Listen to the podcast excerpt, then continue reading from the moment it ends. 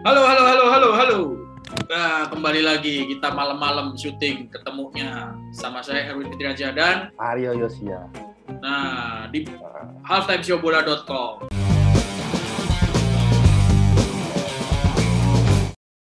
Kita ngomongin apa nih? Sepak bola luar biar rame. Eh, lagi heboh tuh ya. Di Eropa ya. Apa? Apa Liga Super ini ya gila tuh ya. Maksudnya bisa kacau Liga Super apa? Liga Super Eropa. Sebut yang lengkap. Ini ini European. soalnya. European Super League. European Super League. Super League. Iya. Ini nih kalau biasa makan pecel lele nih. Disuruh ngomong spaghetti, spaghettian Tam- susah nih.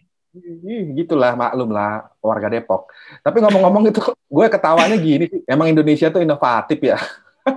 Nggak ngomongin cuma ini aja gitu kan. Apa yang terjadi di Indonesia beberapa tahun lalu terulang. Ya kalau lo ngomongin Liga Super kan apa namanya kita pasti inget dong dulu kan ada dualisme liga juga sama breakaway league itu Tahun satu berapa itu? 2000 berapa?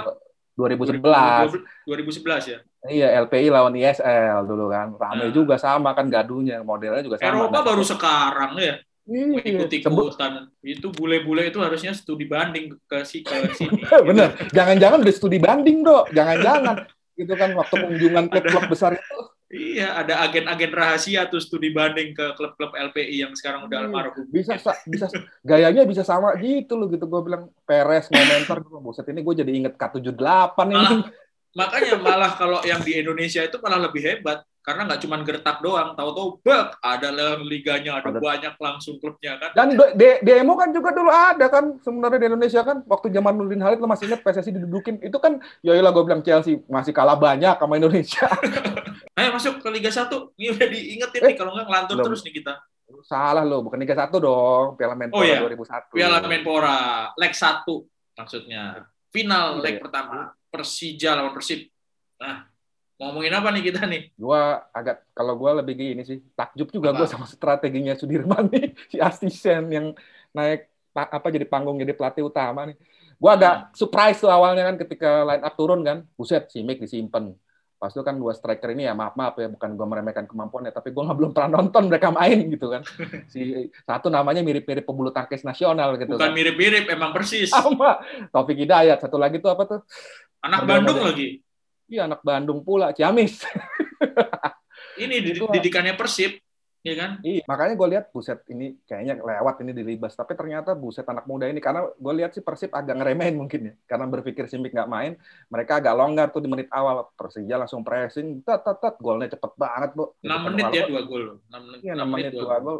Walaupun Cuman kalau itu- si si oke Taufik Hidayat tuh kayak wah kita apa terkejut gitu kan ya. Ini tahu-tahu jadi starter terus langsung ngegolin gitu. Tapi kalau si Brave itu Brave itu memang apa Bagus tuh ya. hid- hidden game lah. Jadi Hidden memang game ya ya. ya. jadi kan dia udah kelihatan bagus di apa eh, Garuda Select. Dari selek Itu ya. kan anak itu kan anak Garuda Select.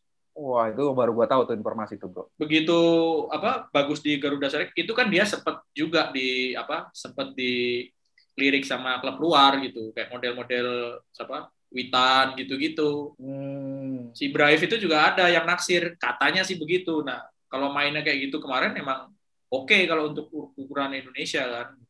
Kayak Jadi ini ya, memang apa? ter- terkejut emang itu Persib itu kemarin Iya, posisinya mainnya kayak model-model ini ya, Bruno Fernandes ya. Artinya dia bukan stri- bukan jadi striker murni, tapi dia iya agak di belakang ya Sha- shadow shadow shadow. Kan golnya maksud gue tenang banget loh yang waktu dia bikin shadow gol. eye shadow Ya, shadow. tenang banget. Gue gila loh anak muda nih. Gue bilang dia pegang bola kayak gitu tendangannya bisa meluncur modelnya hampir sama loh bro itu kan pergerakan dari sayap persib longgar banget pertahanannya jedar masuk tinggal bola tung ke sudut jauh Iya. udah nggak udah setengah mampus tuh Cuman Tapi kalau itu- soal ketenangan, Gimana? soal ketenangan, gue justru ngelihat si Taufik Hidayat, golnya Taufik Hidayat yang dia tenang. Karena apa? Pas mau gol itu kan banyak orang di Iya, depan iya, iya. gawang itu banyak orang tuh. Tapi dia tendangnya kan nggak kenceng. Tendangnya Nggak tuh kenceng tapi iya benar eh, di placing sama dia gitu. iya Gitu. apa ini ra ini rame jadinya kan artinya buset Eh. ini ke kecele bagaimana Ntar dulu, kita punya pernyataannya. Hah! Aduh, bersin bro. ada ada komennya coach Rene Albert dari Persib. Nih kita lihat. All right. Yeah, I think uh, Persija deserved the win today. They they started uh, very aggressive and started very fast. Um, it looks like looked like we were not ready. We were not awake, despite that we tried everything to approach the match normal. Uh, the only reason I can see is they had one more rest day compared to us, which is very important, of course, at this stage. But we were caught in the beginning of the match, and after that, uh, of course, second half we tried, but even then, Pasija was still dangerous on the counter attacks, and we were not really that dangerous in in the overall 90 minutes. Uh, two 0 and now we look forward to the next match to to overcome the two goals uh, in this tight schedule in Ramadan. We tried everything to recover, but I thought we started too slow. And like I said, the only explanation I have that is that we didn't recover fully yet. Yeah, but the second half, the team came back a li- little bit, and that is where we have to build. Good thing, of course, is that this is not a final in one match. This is for us now to show that the next match we can win. Ah, tuh katanya Coach Albert. Apa katanya coba? Si belum patah semangat. Semangat terus. Sama ini kan Coach Albert bilang Persija punya keuntungan istirahat satu hari. Memang ya, mem memang ngaruh. Menurut gua sih. Eh, nggak gitu bro, sehari sama sehari. Nggak gitu bro. Gimana, Lu nggak bagaimana, ngerasain, bagaimana, bagaimana? Lu nggak ngerasain kalau main. Sehari itu pengaruh banget. Ya, gue main futsal, Tapi- bro. Nah, sehari pengaruh. Tapi Persija eh, mengatasi soal fatigue apa fatigue itu kelelahan ya. Etik, kelelahan etik, itu lah. dengan dengan rotasi, dengan si Taufik Hidayat itu, dengan Brai Fatari. Terus eh, di belakang si Maman dimainin. Maman kan nggak pernah main. Maman kejut itu kejutan juga tuh Maman kan karena kan orang mikir tuh skenario terakhir di lini belakang Nah, Persija. si Maman itu nggak main, sempat waktu di penyisian, sempat mau dimainin Maman. Cuman cedera. Cedera yang tiba-tiba itu gempa ya. Jatuh. iya, lagi lari di tangga darurat, dia aja. kakinya keplintek gitu. gua gua lihat video Jul- Zulkifli Syukur bro naik sampai di ini pembatas jalan gitu kan telanjang telanjang dada gitu kan buset ini udah kayak drama Nah, komedian juga Jadi jadi coach Albert oke bilang Persija punya eh, apa keuntungan istirahat sehari, tapi kenapa dia nggak rotasi pemainnya? Kenapa nggak berani rotasi pemain? Ya, sebenarnya sih- Iya kan pemain Tapi dia- capek gitu kan. Dia sebenarnya juga rotasi walaupun terpaksa kayak misalnya si Deddy Kusnandar kan dicadangin bukan karena memang karena memang rotasi tapi karena Deddy Kusnandar kan cedera di semifinal kan pertandingan sebelumnya kan Nah, Ya. baru main di babak kedua itu agak beda Fiskara mainnya juga gitu. nggak Fiskara Fiskara juga nggak main. starter ya. Cuma emang gue anggap brilian lah str- strateginya si Sudirman di leg pertama. Ya maksudnya nunjukin bahwa dia sebagai pelatih lokal asisten nggak punya pengalaman apa-apa, ternyata visi bermainnya lumayan. Karena dia legend sih bro, menurut gue.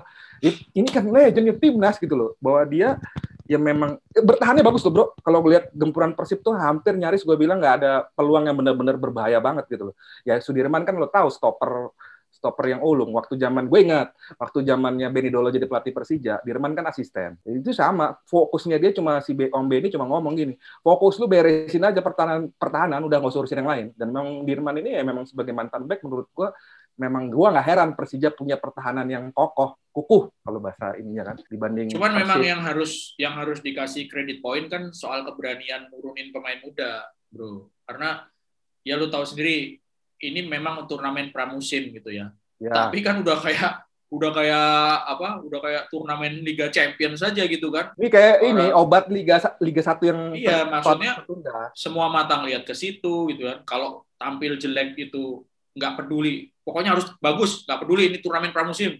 Apalagi kalau Persid sama Persija kan. Orang nggak boleh pegang tuntutan- handphone, bro.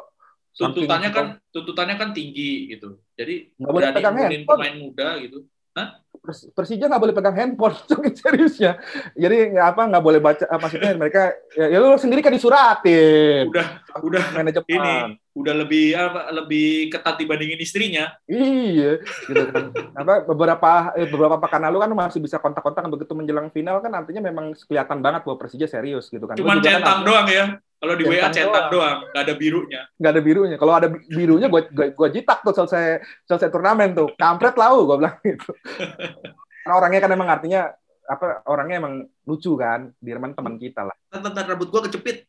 Aduh, Rambut gua kejepit. jangan trimulat, Bro. Iya, rambut kejepit nih. Aduh. Nah, udah, udah kita break dulu ke segmen 2. Oke? Rambut tuh udah beres. Beres. Beres. Ini Kirain soalnya punya punya anak gue kalau lagi sekolah pakai ini kecil kan. Makanya kejepit nih kepala gue nih. Rambutnya. pikir lu pak lu pakai wig, sebenarnya lu botak. Pakai rambut gitu palsu. rambut palsu. pas di segmen kedua kayak gue tiba-tiba kalau gue kan kacamata gitu di segmen kedua tiba-tiba lo tampil botak gitu kan udah nih leg dua gimana nih final nih kalau menurut lo ya ini seru sih karena apa tugas berat sih Persib gitu kan memang turnamen ini kan unik nggak ada gol tandang nggak dihitung nih artinya hmm. tetap artinya kalau Persija apa Persib menang 3-1 gitu kan selisih dua margin dua gol tetap artinya akan adu penalti kalau kalau Persib cuman bisa selisih satu gol menangnya Persija oh, juara Ya, kalau Persib bisa menang selisih dua gol, adu penalti gitu ya. Adu penalti itu hmm. yang jadi menurut gua nih hmm. akan lebih ini sih. Pasti akan lebih Persib pasti akan lebih ngotot bermain ofensif sih. Masalahnya nih, gua bukannya belain Persija gitu. Persija itu pertahanannya makin lama makin kokoh gitu. Ya kan? Iya. Di dua pertandingan semifinal nggak ini nggak kebobolan mereka. Ya kan? Iya.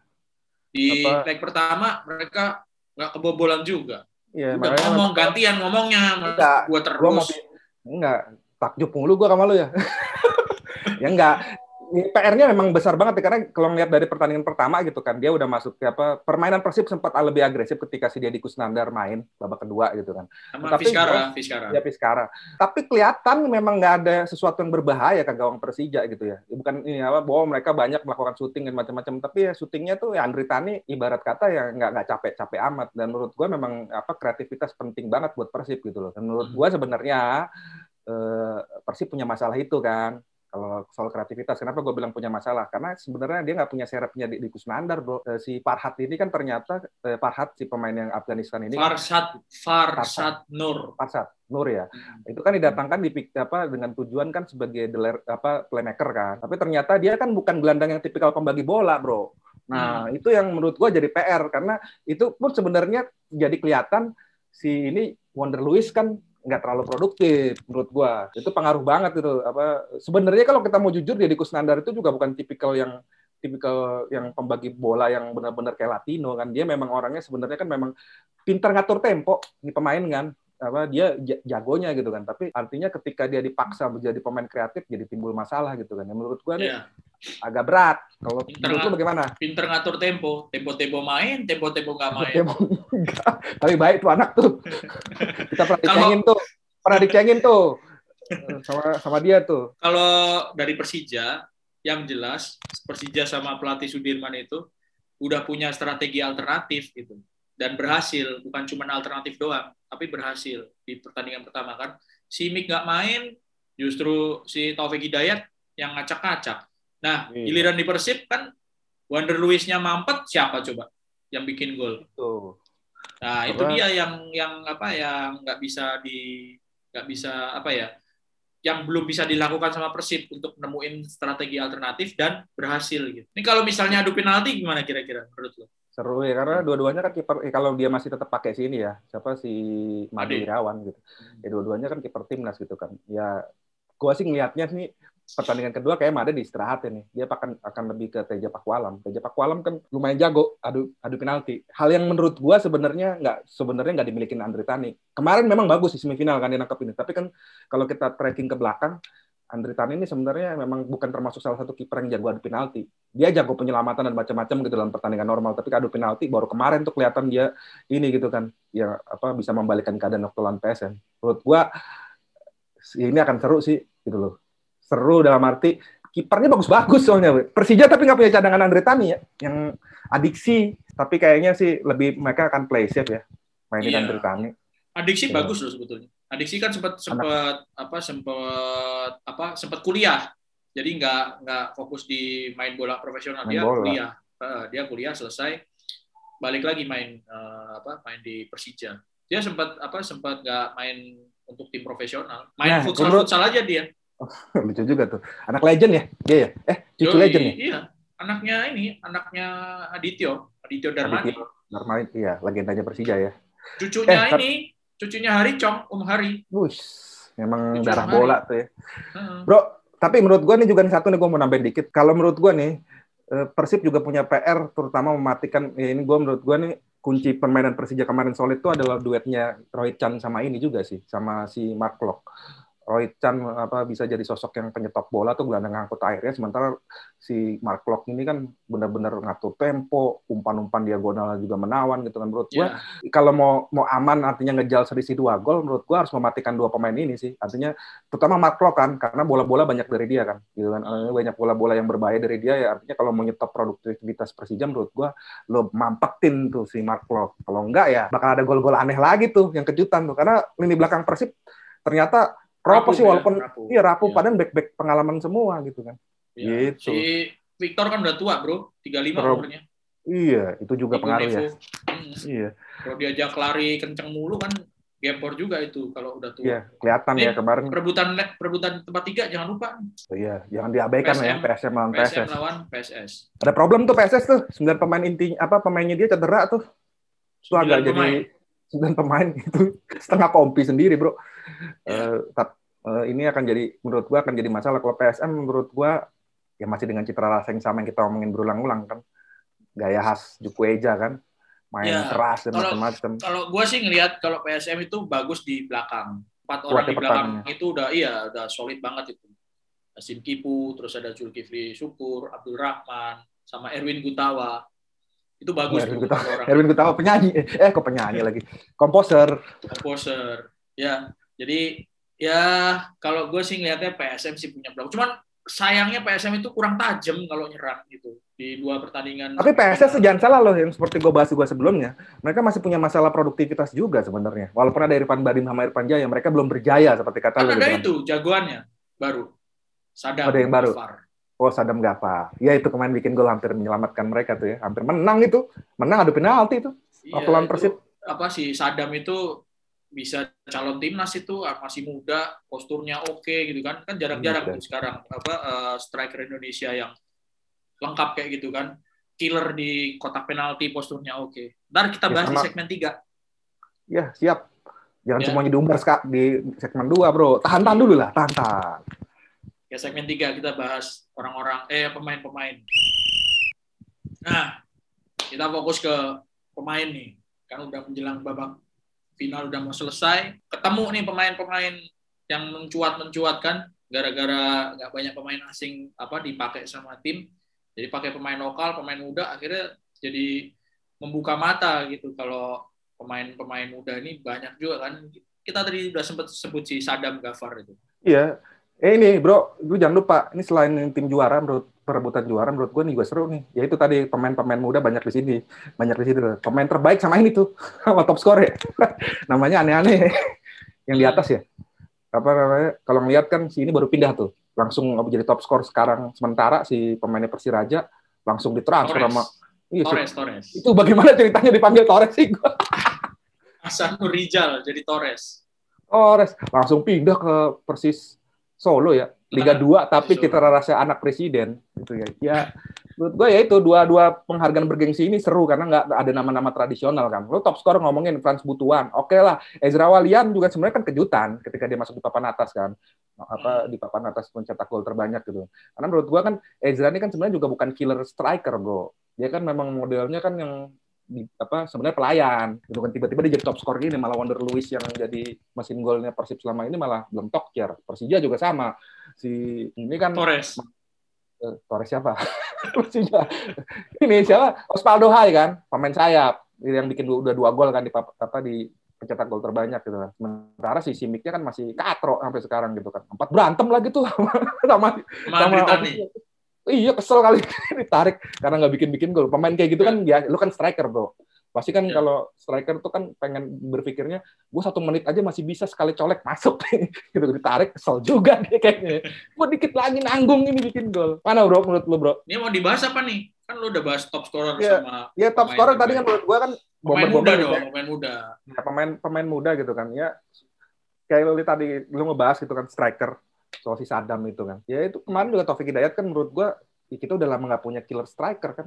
Lihat dia gitu muncul gitu kan. Menurut gua ya beruntung nih pelatih timnas nih. Begitu ada atraksi main bola Piala Menpora muncul di pemain-pemain ya ajaib yang kemudian menurut gua tinggal bagaimana nantinya kan. Karena kan lah, jangan sampai layu ber, sebelum berkembang juga banyak. Cuma gara-gara Piala Menpora begitu selesai mereka ini udah besar kepala ya ujung-ujungnya gitu-gitu lagi kalau kalau enggak kalau enggak gini begitu Piala Menpora bagus nih, wah kita udah omongin, wih bagus nih, nih bisa jadi apa uh, bisa jadi bahan nih buat pemain timnas gitu. Begitu Liga 1 mulai, klubnya kontrakin pemain asing, mereka nggak dapat main.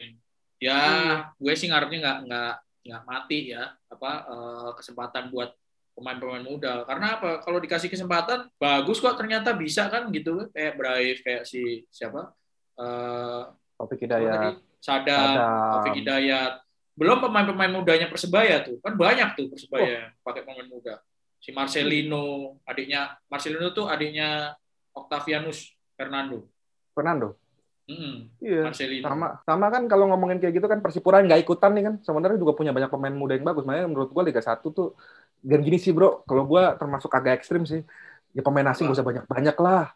Piala Menpora ternyata pemain lokalnya banyak juga yang nonton banyak nonton lewat jarak jauh maksud gua oh, gitu masalahnya, tetap masalahnya gini pemain asing nggak banyak oke okay, gitu eh diakalin pemain asing dinaturalisasi Iya, itu juga sih ya. Makanya gue udah lah. Gue makanya kemarin juga sempat ya, gue agak kagum gitu kan. Sudirman, gue termasuk mengkritik dia lah. Karena terlalu banyak menurunkan Persija juga pemain naturalisasinya banyak banget gitu kan. Maklok, macam-macam gitu kan. Dutra. Dutra. Tapi begitu kemarin dia nonjolin dua pemain mudanya itu gue bilang sama ya kan dia punya juga Alfat Patir tuh Patir tuh back sayap muda juga kan. Banyak sebenarnya pemain-pemain dia menurut gue udahlah pemain asing kan juga mahal cie. Tapi ntar pemain asing pada bully kita nih bro. Hmm. dibilang wah oh, mematikan aja ya nggak juga sih. Artinya komposisinya yang natural aja lah jangan terlalu dominan juga pemain asing. Iya. Dan uh, kalau misalnya klub itu udah punya kompetisi atau akademi ya. Kalau Persija kan punya akademi. Udah ada akademi juga. gitu. Ya kita ngomongin di yang yang di final lah gitu ya. Udah punya akademi Persija tapi pemainnya nggak dipakai buat apa gitu kan? Buat apa? Iya. Buat keuangan juga bagus kan. Kontraknya nggak mahal-mahal tuh pasti kan. Tapi nggak tahu nih iya. setelah ngetop Piala Menpora kontrak barunya bagaimana juga nih. Biasanya kan gitu kan. Torres aja langsung hijrah, Bro. Gue juga kaget tuh. Iya, mau ke Liga 2 nih ya artinya kan memang artinya tawarannya berarti fantastis gitu kan. Yang itu juga yeah. yang menurut gue. Liga 1 udah ngomong-ngomong kabar baiknya juga mesti kita kasih tahu nih. Tinggal 3 Juli kan kick off. Tanggal berapa? 3 Juli, 3 Juli. 3 Juli ya. Jadi off selesai lebaran dulu nih, maaf-maafan, persiapan lagi Liga 1. Eh, sebelum Liga 1 kita disuguhin Piala Eropa kan. Wah, nikmatnya dunia ini ya. 3 Juli kalau ngelihat dari Piala Menporanya seperti sekarang gitu ya, lancar gitu kan. Terus uh, protokol kesehatan bisa dijaga dengan ketat, supporter Baik, juga bisa tertib gitu. Titik cerah dong Liga 1 nih bisa iya. muter. Gue cuma tapi gue masih punya catatan juga sih, bro. Gue nggak yakin Liga 1 sih, gue yakin izin akan keluar karena presiden juga udah ngeliatnya kan puas, gitu kan standar protokolernya bagus. Tapi, tapi gue agak masih agak ragu kalau menghadirkan penonton sih. Kayak oh, karena ada iya, wacana untuk kuota tertentu gue agak-agak maksudnya oke okay, kalau berani itu risikonya gede. Menurut gue udahlah jalan dulu dengan tanpa penonton. Tapi ketika situasi Indonesia udah membaik gitu misalnya menjelang akhir tahun atau awal tahun depan udah membaik barulah boleh coba-coba. Kalau sekarang kan malah klaster baru bubar. Iya baru, jangan jangan sampai kayak jangan sampai kayak India. Iya gitu. India kenapa tuh? India. Ya itu oh kan iya jadi... ini iya iya. Gue langsung karena lo banyakkan bercanda gue langsung mikirnya film-film India. Gitu. Nggak nyambung ya Iya, iya makanya larinya. Bagaimana, Bro? Ya udah. Selesai. Kita tunggu. Tunggu final. Liga satunya kita tunggu, finalnya kita tunggu, uh, perebutan tempat ketiga kita tunggu. Jadi jangan lupa saksikan final leg kedua Piala Menpora hari Minggu tanggal 25 April mulai jam 20.00. Dan perebutan tempat ketiga tanggal 24 April hari Sabtu. Jamnya sama di mana dulu dong? Disebut dong. Di Indosiar. Di Indosiar. Di dan video.com. Video. Ya. Baca beritanya di bola.com, bola.net, tamalikutanam.com. Sama tetap jaga protokol kesehatan 5M ya. Yang juara juga jangan nah. euforia berlebihan. Udah selesai timnya juara di, di Solo nih, di Jakarta misalnya Persija juara. Ini pesta. oh, pesta-pestaan lah. Atau di Bandung, pulang ke Bandung, pesta di Bandung. Pesta. Janganlah, udahlah kita apa bener tuh dukung dari jauh aja lah dari rumah lah udah paling bener lah biar kita bisa berkesinambungan nih ada kompetisi jalan terus ya nggak si berkesinambungan apanya nih ngomongan lo udah kayak orde baru aja nih replita satu replita dua ya udah tutup ah uh, kalau gitu ya Sampai jumpa. Kita nikmatin pertandingan perebutan tempat tiga sama final. Ya, saya Erwin Fitriansyah. Saya Aryo Yosia, siap komandan. Nama lu siapa? Saya Aryo Yosia, komandan. Sampai jumpa ya. Thank you.